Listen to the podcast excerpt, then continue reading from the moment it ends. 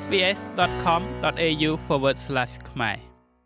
កុមារអាចចូលទៅក្នុងមណ្ឌលចិញ្ចឹមក្មេងដោយសារតែហេតុផលជាច្រើនជាឧទាហរណ៍អាចថាដោយសារតែមានអំពើហិង្សាក្នុងគ្រួសារកើតមានឡើងនៅក្នុងផ្ទះឬក៏ប្រវត្តិនៃការមិនយកចិត្តទុកដាក់មើលថែទាំកូនឬការរំលោភបំពានលើរូបរាងកាយបច្ចុប្បន្ននេះមានការខ្វះខាតឪពុកម្ដាយចិញ្ចឹមឬក៏ foster parent នៅក្នុងប្រទេសអូស្ត្រាលី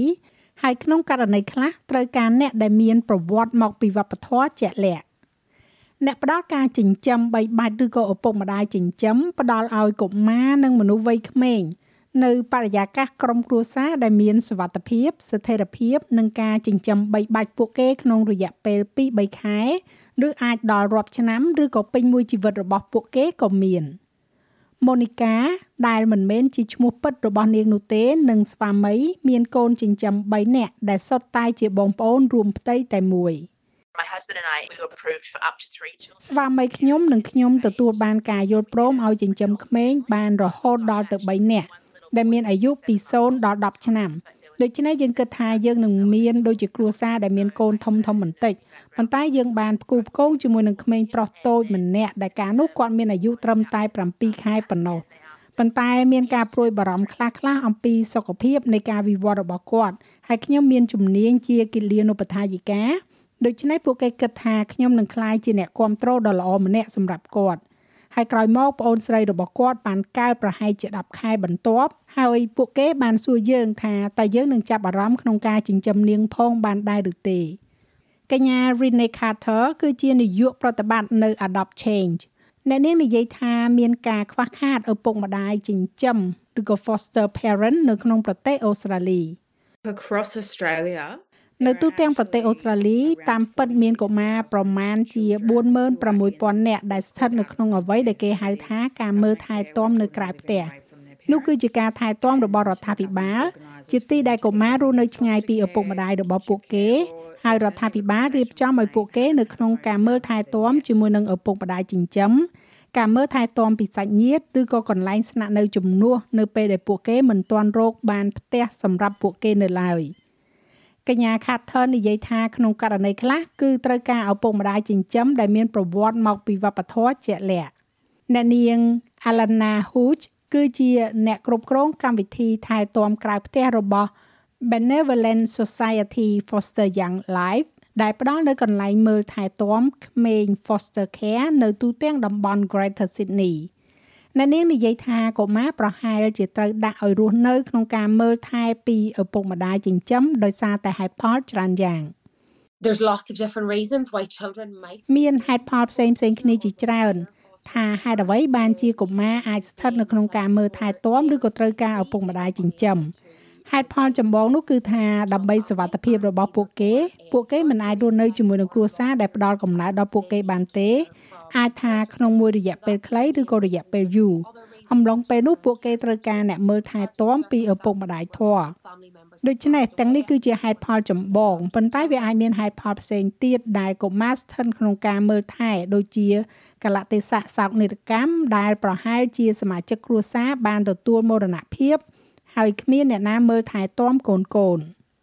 កញ្ញា Carter និយាយថាការមានផ្ទះដែលមានសុវត្ថិភាព ស្ថិរភាពនិងការចិញ្ចឹមបីបាច់ថែរក្សា គឺជាគន្លឹះដើម្បីសង្គ្រោះកុមារទាំងនេះដែលជារឿយៗត្រូវបានរងផលប៉ះពាល់ជាមួយនឹងទម្រង់នៃការប៉ះទង្គិចផ្លូវចិត្តមួយចំនួន These are everyday children ទាំងនេះគឺជាកុមារប្រចាំថ្ងៃដែលបានជួបប្រទះបញ្ហាប្រឈមដែលយើងមិនអាចស្ទង់មើលដឹងប៉ុន្តែពួកគេជាកុមារប្រចាំថ្ងៃនិងអ្វីដែលពួកគេត្រូវការហើយអ្វីដែលជាការព្យាបាលដ៏អស្ចារ្យបំផុតសម្រាប់កុមារភាគច្រើនឬក៏ជាចំណុចចាប់ផ្ដើមគឺពិតជាឱកាសធ្វើជាកូនក្មេងម្នាក់ ដែលអាចលេងដោយមិនបាច់ខ្វាយខ្វល់ពីបញ្ហារបស់មនុស្សពេញវ័យដោយដឹងថាពួកគេនឹងគេងនៅទីណានៅយប់នោះនិងយប់បន្ទាប់ហើយនឹងដឹងថាមាននរណាម្នាក់កំពុងតែចម្អិនអាហារឲ្យពួកគេអ្នកនាងជូនិយាយថាមនុស្សម្នាអាចលើកដៃឡើងស្ម័គ្រចិត្តទទួលថែទាំកូនចិញ្ចឹមក្នុងទម្រង់ផ្សេងផ្សេងគ្នា We have everything from short យើងមានគ្រប់បែបយ៉ាងរាប់ចាប់ពីអ្នកមើលថែទាំក្នុងករណីសង្គ្រោះបន្ទាន់រយៈពេលខ្លីអ្នកថែទាំរយៈពេលវែងអ្នកថែទាំដែលកំពុងស្វែងសុំកូនចិញ្ចឹមឬធ្វើជាអាណាព្យាបាលរបស់កុមារនៅក្នុងការថែទាំរបស់ពួកគេហើយយើងមានអ្នកថែទាំពេលឈប់សម្រាកផងដែរជាអ្នកថែទាំដែលគ្រាន់តែផ្ដោតការថែទាំតាមលទ្ធភាពនិងនៅពេលដែលពួកគេអាចធ្វើបាន ដូច្នេះវាអាចថានៅពេលចុងសប្តាហ៍មួយខែម្ដងឬក៏មួយខែពីរដងហើយបន្ទាប់មកយើងក៏មានអ្នកថែទាំដែលទទួលយកកុមារដែលពួកគេដឹងថាផែនការនោះគឺសម្រាប់ឲ្យពួកគេវិលត្រឡប់ទៅផ្ទះវិញរស់នៅជាមួយនឹងក្រុមគ្រួសាររបស់ពួកគេហើយពួកគេគ្រប់គ្រងកុមារនៅក្នុងអំឡុងពេលនោះច្បាប់និងដំណើរការគឺខុសៗគ្នានៅក្នុងរដ្ឋនិងដែនដីនីមួយៗ នៅក្នុងរដ្ឋខ្លះអាចថាធ្វើការដោយផ្ទាល់ជាមួយនឹងនាយកដ្ឋានរដ្ឋាភិបាលឬក៏ជាមួយនឹងភ្នាក់ងារថែទាំកូនចិញ្ចឹមប៉ុន្តែមានជំហានសំខាន់សំខាន់មួយចំនួនដែលដូចគ្នានៅទូទាំងប្រទេសអូស្ត្រាលីជំហានដំបូងនោះគឺត្រូវតាក់ទងទៅនរណាម្នាក់ដែលជាភ្នាក់ងារក្នុងស្រុកនិងដើម្បីស្វែងរកព័ត៌មានចម្បងចម្បងមួយចំនួនអ្នកនាងឈូចនិយាយថានៅក្នុងរដ្ឋ New South Wales វាអាស្រ័យទៅលើភ្នាក់ងារនៅក្នុងការអនុម័តអ្នកឲ្យคล้ายទៅជាឪពុកម្ដាយចិញ្ចឹម ប៉ុន្តែវាគឺជានយោបាយកឋានសហគមន៍និងយុតិធធដែលផ្គូផ្គងឪពុកម្ដាយចិញ្ចឹមទៅនឹងកុមារដែលត្រូវការថែទាំ DCJ or the department DCJ ឬក៏នយោបាយកឋាននៃសហគមន៍និងយុតិធធគឺជាអង្គភាពតាមផ្លូវច្បាប់មួយដូច្នេះពួកគេគឺជាស្ថាប័នដែលនាំកុមារមកនៅក្នុងការថែទាំ ដូច្នេះ DCJ នឹងតាក់ទងមកយើងដើម្បីនិយាយថា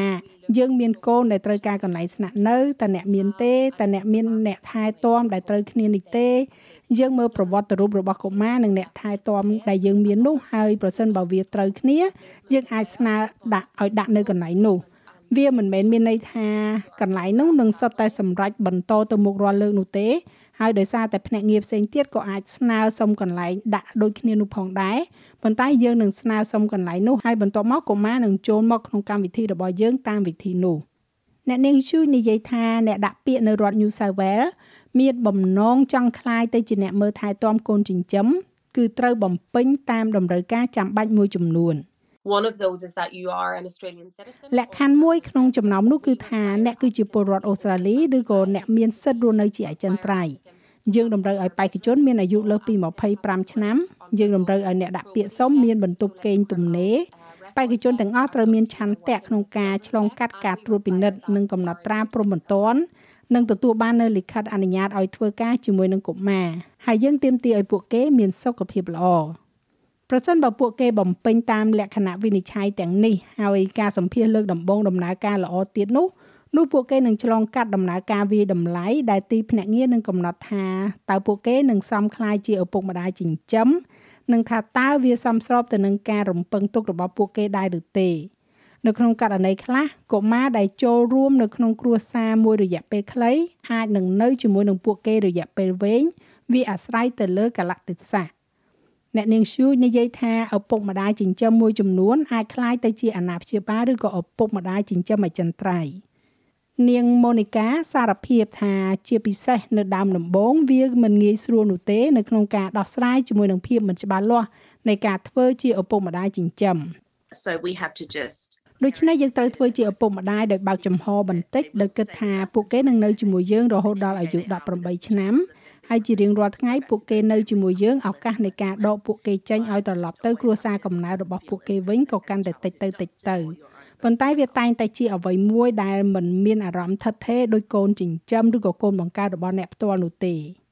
អ្នកនាងឈូនិយាយថាទីភ្នាក់ងារនឹងគ្រប់គ្រងឪពុកម្ដាយចិញ្ចឹមឲ្យទទួលបាននូវឧបករណ៍ត្រឹមត្រូវ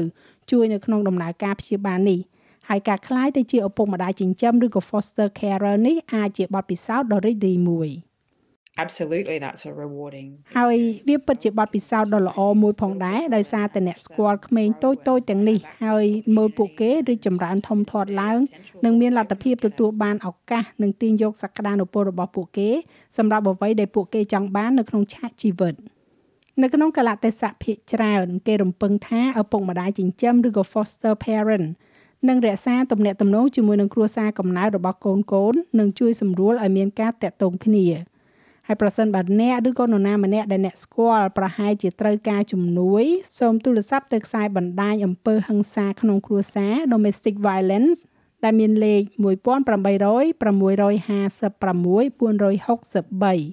463ឬក៏ Child Protection Helpline ដែលមានលេខ132111ចាស់ហើយរបាយការណ៍នេះចងក្រងឡើងដោយ Chiara Pazano និងប្រែសម្រួលសម្រាប់ការផ្សាយរបស់ SBS ខ្មែរ ដោយនាងខ្ញុំហៃសុផារ៉ានី